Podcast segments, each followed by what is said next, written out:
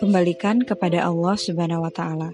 Tulisan Muhammad Nursani dalam bukunya Berjuang di Dunia Berharap Pertemuan di Surga. Hukuman paling berat atas seseorang adalah bila Allah menjadikan ia lupa pada dirinya sendiri.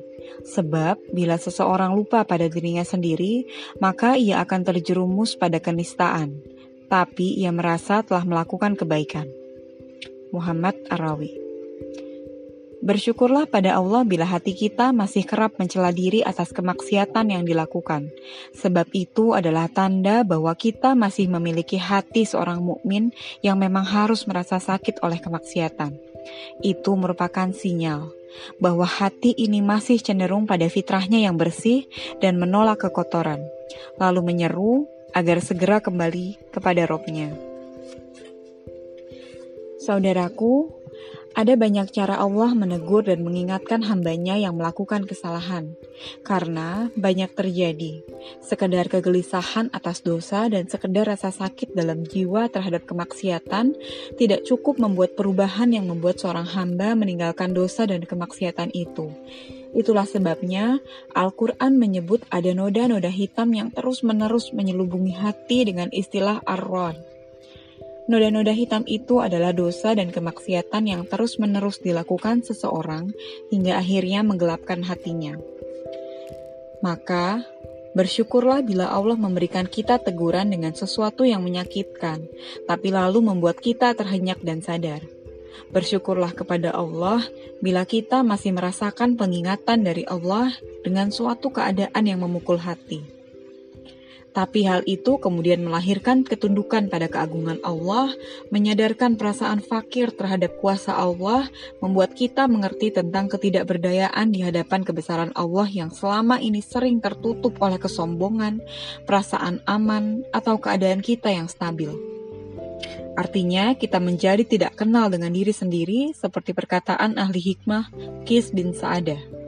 Sebaik-baiknya pengenalan seseorang adalah pengenalannya terhadap diri sendiri. Sebaik-baiknya ilmu adalah ilmu yang mengajarkan seseorang mengerti tentang kadar ilmunya. Saudaraku, dengarkanlah Ibnu Qayyim rahimahullah mengatakan, Sungguh hati itu mempunyai kasatan yang tidak bisa dihaluskan, kecuali dengan kembali menghadap kepada Allah. Hati juga mempunyai rasa terancam yang tidak bisa dihilangkan kecuali dengan suasana intim dan dekat dalam kesendirian bersama Allah. Hati juga mempunyai kesedihan yang tak mungkin diusir kecuali dengan rasa bahagia yang muncul dari ma'rifah kepada Allah dan hubungan yang baik dengannya. Hati juga mempunyai kegelisahan yang tidak bisa ditenangkan kecuali dengan berhimpun kepada Allah dan lari mendekat kepada Allah.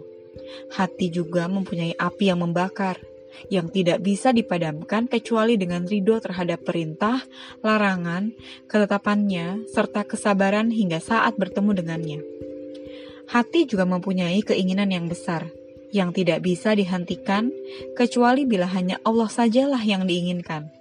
Hati juga memiliki kepapaan yang tak mungkin dicukupi kecuali dengan cinta kepadanya, senantiasa berzikir dan ikhlas kepadanya Andai seluruh dunia ini diberikan untuk mencukupi kepapaan itu, niscaya kepapaan itu tak akan pernah tercukupi juga.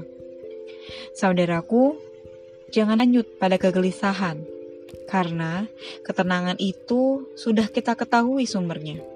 Jangan tenggelam pada kekecewaan, karena kepuasan itu tak pernah berujung. Jika kita mengenal Allah, maka kegelisahan dan kekecewaan bisa diredam dan bahkan dihilangkan. Karena hamba yang semakin mengenal Allah akan semakin mengerti dirinya di hadapan Allah. Inilah yang diungkit dan disentuh dalam dialog antara seorang solih Ibrahim bin Adham kepada seorang pemuda yang sangat berduka.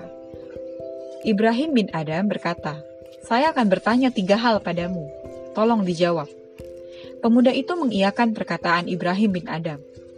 Adakah sesuatu yang terjadi di alam semesta ini di luar kehendak Allah? Pemuda itu mengatakan, "Tidak." Ibrahim bin Adam bertanya lagi, "Apakah ada pengurangan dari bagian dari rizkimu yang telah ditetapkan Allah?" Pemuda itu menjawab, "Tidak." Terakhir, Ibrahim bin Adam bertanya, apakah ada pengurangan jatah usiamu dari yang sudah ditentukan Allah? Pemuda itu mengatakan, tidak. Ibrahim bin Adam lalu berkata, kalau begitu, untuk apa terlalu larut dalam kesedihan? Pemuda itu sebenarnya orang yang mengenal Allah. Karena itu ia menjawab dengan tepat semua pertanyaan Ibrahim bin Adam. Tapi ia hilaf saat terpukul terhadap peristiwa yang mengecewakannya. Dan ketika itulah kesadarannya perlu dibangkitkan kembali.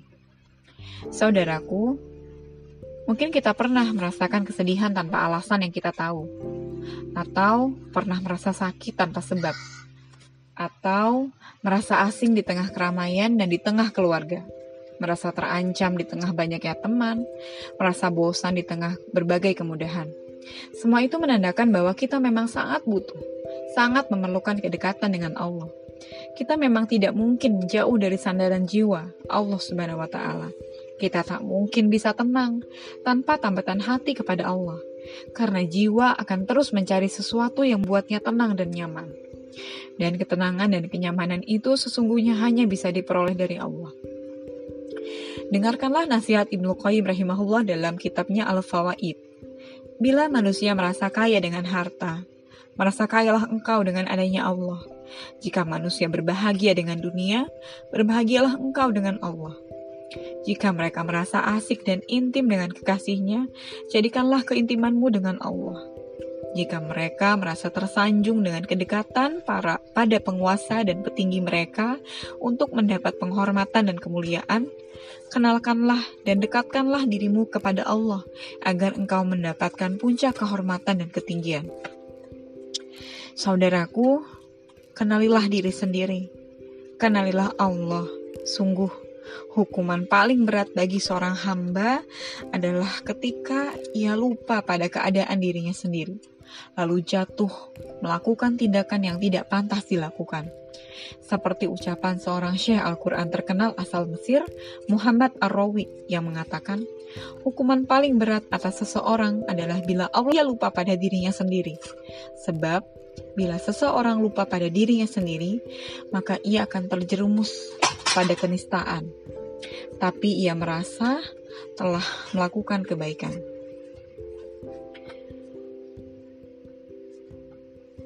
Semoga renungan ini bermanfaat untuk kita semua.